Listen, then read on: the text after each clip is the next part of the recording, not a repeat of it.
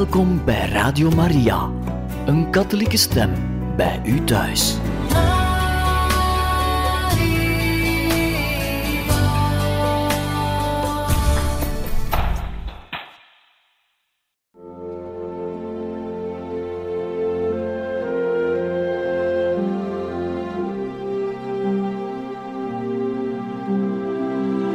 Beste luisteraars van Radio Maria, welkom bij het programma Catechismus. Een overweging bij de geloofschat van de kerk.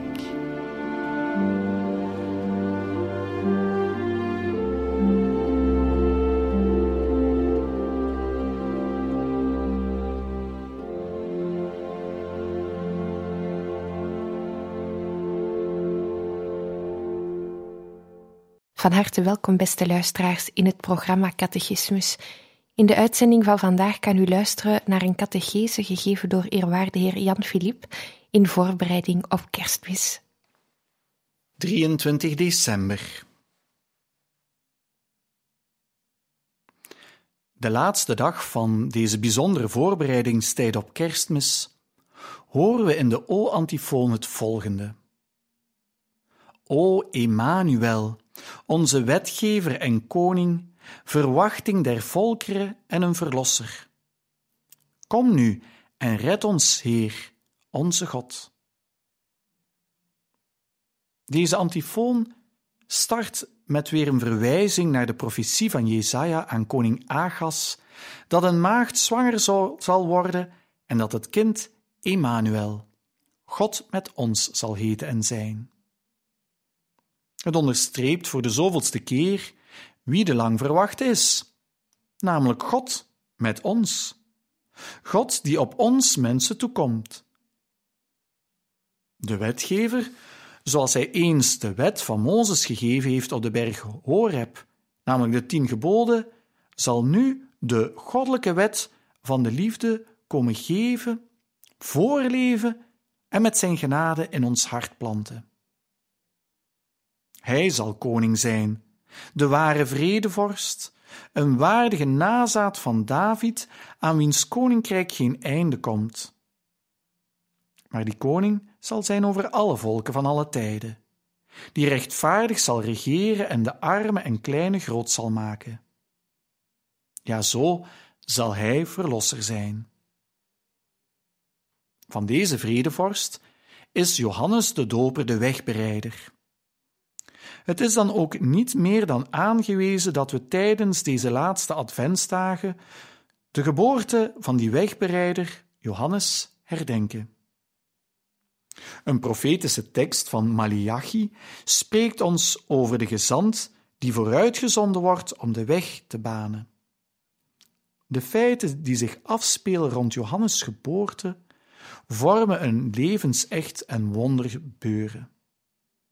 Wat zal er worden van dit kind? Want de hand des Heer was met hem. Malachi vertelt het als volgt. Zo spreekt de Heer God. Ik zend mijn gezant voor mij uit om voor mij de weg te banen. En aanstonds treedt dan de Heer zijn heiligdom binnen, de Heer die gij zoekt, de engel van het verbond, naar wie gij verlangend uitziet. Let op, hij komt, zegt de Heer der legerscharen. Maar wie kan de dag van zijn komst verdragen? Wie zal er staande blijven wanneer hij verschijnt? Want hij is als het vuur van de smelter, als het loog van de blekers. Hij zet zich neer om het zilver te smelten en te zuiveren, om de levieten te zuiveren en hen als goud en zilver te louteren, zodat zij de Heer weer op de vereiste wijze offergaven kunnen brengen. Dan zal het offer van Juda en Jeruzalem de Heer weer behagen, zoals in het verleden, in de voorbije jaren. Zie, ik zal u de profeet Elia zenden, voordat de grote en schrikkelijke dag van de Heer komt. Hij zal het hart van de vaders voor de kinderen winnen en het hart van de kinderen voor de vaders. Zo niet, dan kom ik het land met de banvloek slaan. De profeet Malachi spreekt hier over de komst van een gezant. Elia zal komen voordat de grote en verschrikkelijke dag van de Heer aanbreekt. Hij zal de echte eredienst herstellen. Jezus zal in zijn prediking verklaren dat Elia reeds teruggekomen is in de persoon van Johannes de Doper, die niet de concrete eredienst van de tempel zal herstellen, maar de eredienst die mensen God horen te brengen door hun manier van leven. Het is een vernieuwing van het verbond, zoals Malachi het zegt. Het zal ook een uitzuivering zijn, zoals het vuur van de smelter. En het loog verwijst naar het reinigingswerk van God, waarin hij de volder nabootst die op het linnen trappen en slaan om het zuiver en zacht te maken. De reiniging, die Israël niet zelf kon voltrekken, zal voltooid worden door de Heer bij zijn komst. Al lijkt die komst schokkend te zijn, want de Heer komt om te reinigen. Maar hij komt om te reinigen, niet om te vernietigen, gelukkig. Hij zal de priesters reinigen, opdat de juiste eredienst zal gebeuren, en hij zal alle soorten van boosdoeners veroordelen. En Malachi eindigt vandaag met de vroegst gekende profetie over de wederkomst van een nieuwe Elia. Hij zal verzoening brengen tussen vader en kind, tussen de tijd, met andere woorden, van de aartsvaders die goed op weg waren, en de huidige tijd. Dit zal Johannes verwezenlijken als hij doopt aan de Jordaan. Mensen zullen zich dan bekeren en gaan terugleven naar de ware geest van het verbond. De komst van de Heer zal ervoor zorgen dat het onrecht zal verdwijnen, dat er terug door de mensen geleefd wordt naar de kern van Gods verbond met mensen. In ons mensen die ons voorbereiden op kerst leeft eigenlijk datzelfde verlangen van terug een nieuwe goede start te maken. En daarom antwoorden wij op de eerste lezing met de volgende antwoordpsalm.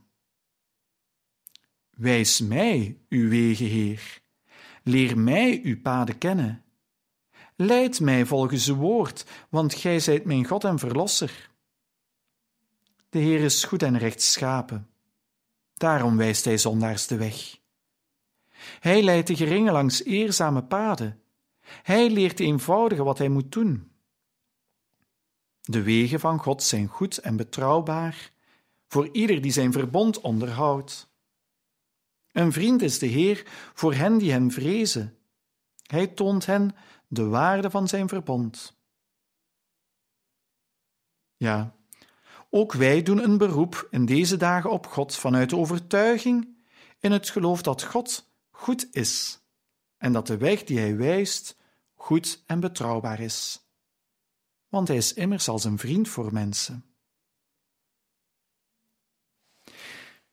In het Lucas-evangelie vandaag gaat het dan ook over die geboorte van die wegbereider, Hij die ons de weg zal wijzen en helpen. Voor Elisabeth brak het ogenblik aan dat zij moeder werd. Zij schonk het leven aan een zoon. Toen de buren en de familie hoorden hoe groot de barmhartigheid was die de Heer aan haar had betoond, deelden zij in haar vreugde. Op de achtste dag kwam men het kind besnijden en ze wilde het naar zijn vader Zacharias noemen. Maar zijn moeder zei daarop: Nee, het moet Johannes heten. Ze antwoordde haar: Maar er is in uw familie niemand die zo heet. Met gebaren vroegen zij toen aan zijn vader hoe hij het wilde noemen. Deze vroeg een schrijftafeltje en schreef erop: Johannes zal hij heten. Ze stonden alle verbaasd. Onmiddellijk daarop werd zijn mond geopend, zijn tong losgemaakt en verkondigde hij Gods lof. Ontzag vervulde alle omwonenden en in heel het bergland van Judea werd al het gebeurde rondverteld. Iedereen die het hoorde dacht erover na en vroeg zich af: wat zal er worden van dit kind? Want de hand des Heren was met hem. Op de vooravond van het verhaal van de geboorte van Jezus zelf, krijgen we vandaag het verhaal van de geboorte van zijn neef, het kind van Elisabeth en Zacharias. Dat kind is de voorganger van Jezus. Maar heel het verhaal over de geboorte van dit bijzonder kind van e- Elisabeth en Zacharias cirkelt eigenlijk rond het geven van de naam. Buren en familie willen het kind immers Zacharias noemen, zoals de traditie dat blijkbaar wil, zoals het verleden dat wil. Nee, zegt Elisabeth, het moet Johannes heten. En met gebaren vroegen ze vervolgens aan zijn vader hoe hij het wilde noemen. En dan stelt Zacharias een raar gebaar. Ook hij schrijft: Johannes zal hij heten. Het is zoals de engel het hem bevolen had. Een andere naam kiezen dan de voor de hand liggende onderstreept dat er eigenlijk iets veranderd is. Er is een shift opgetreden in de betekenis die aan het gebeuren wordt gegeven, en daaruit blijkt ook dat er een groei in geloof is ontstaan tijdens deze lange, onmogelijke zwangerschap. Zacharias' naam betekent namelijk: God heeft zich herinnerd, gedenkt, hij is niet vergeten. Misschien gaat het ook over zijn zonde. Zacharias is een naam die weliswaar aangeeft dat God een geheugen heeft, dat hij niet vergeet wie hem nodig heeft, maar het is ook wel een naam die eigenlijk naar het verleden verwijst. Maar de naam Johannes betekent iets heel anders. Het betekent God is genadig verzoenend. Die nieuwe naam wendt de blik van het belastende, harde, onvruchtbare verleden weg naar het licht toe, naar de zoete, vruchtbare toekomst. De naam die het kind draagt duidt eigenlijk op de opdracht of de roeping van dit kind. Johannes betekent God is genadig. Dit is hetgene dat hij zal aankondigen en verkondigen, waarvan hij als het ware de inleider zal zijn. Het is een naam van de Vader in de hemel gegeven. Een naam geven kan dus belangrijk zijn en vol van betekenis. Zoals geliefden elkaar een nieuwe naam geven, een koosnaam, een keuzenaam geven, soms een heel betekenisvolle naam. En zoals ouders lang nagedacht, soms getwijfeld zelfs, soms geruzied hebben over welke naam ze zullen geven.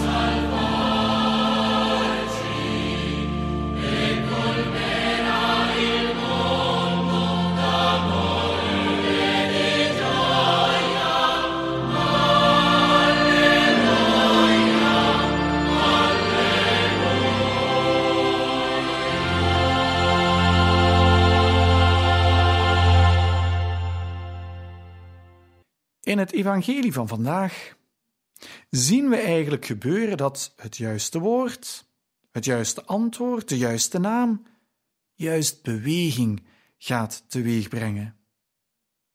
Er verandert iets spiritueel. Dan heeft dat ook lichamelijk zijn gevolgen. Onmiddellijk, zo horen we, daarop werd zijn mond geopend, zijn tong losgemaakt en verkondigde Zacharias Gods lof. Wanneer God ingrijpt in ons leven, laat hij leven laat geboren worden, juist op de plek van ons gebrek, de plaats waar we misschien al zo lang vruchteloos poging hebben ondernomen, kunnen wij vreemd genoeg, zoals Zacharias, verlamd worden door de angst voor het nieuwe dat onmogelijk leek. Geleidelijk, maar ook geleidelijk met lange ei, niet zonder lijden dus, komen wij tot de ervaring dat het ongelooflijke wel kan gebeuren, vaak in ons hart. En dan is nog ons eigen vrije ja-woord nodig om het geschenk van God helemaal te ontvangen, om de zoetheid ervan helemaal te proeven en te ervaren hoe wat verlamd was in ons hierdoor tot beweging komt en opspringt van vreugde als een kind in de moederschoot. Dat ja-woord maakt van onze bekering een verschijning van goddelijk mooi leven. Voor mij heeft de advent en het kerstgebeuren met dergelijk geloof ook te maken. Wat oud en verstart is, wat neerlag in doodse duisternis, dat dit nieuw leven kan krijgen. Door en in God. Ook dat is kerstmis. Lucas nodigt ons met de naam Johannes uit om te kijken met de ogen van God. En zo kunnen we ook kijken naar onszelf en elkaar in onze wereld. Want ieder van ons is de moeite waard en draagt een opdracht. Want alle zijn we door God gewild. Alle hebben we een plaats in Gods plan, dragen we de kiemen in ons van Gods nieuwe wereld. Zo'n boodschap is volgens mij vandaag zeker niet misplaatst. In een wereld waar we gewoon zijn elkaar als concurrenten te zien en te behandelen. Of waar we, zo gemakkelijk, in onszelf en in anderen de kleine kantjes en gebreken zoeken en verkondigen. Of waar we fake news verspreiden over elkaar en zo medemensen afschrijven. Gods eerste blik op mens en wereld is, zoals het boek Genesis herhaalt, echter als in een refrein: God zag dat het goed was. De grondteneur en dynamiek is die van het goede, die van genade. Zijn wij bereid ons elke dag tot die blik te bekeren? Willen we het potentiële mensen zien, hun bijdrage tot een betere wereld? Willen we mensen uitdagen om dat potentieel als een roeping te zien? En het evangelie van Lucas is suggestief. Zolang Zacharias, Johannes' vader, dat niet doet, bleef hij met stomheid en blijkbaar ook doofheid geslagen, omdat hij dat geschenk Gods, dat visioen, die opdracht die Johannes in zich draagt, niet kon aanvaarden. Maar Zacharias leert en groeit en maakt tenslotte de juiste keuze. Het is een uitnodiging voor ons allen. Leer Gods droom voor mensen zien en ze benoemen. Dit zal leven geven aan onze gemeenschappen en aan onze wereld.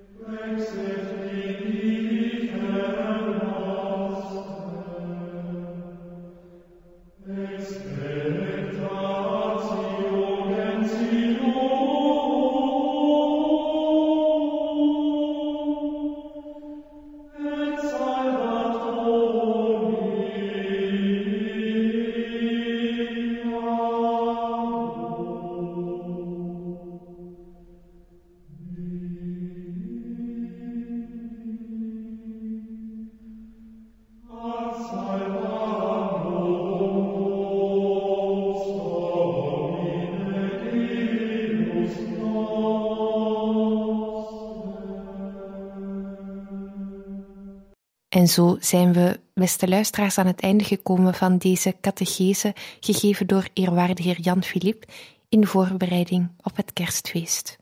Wij wensen u nog een zeer mooie dag toe.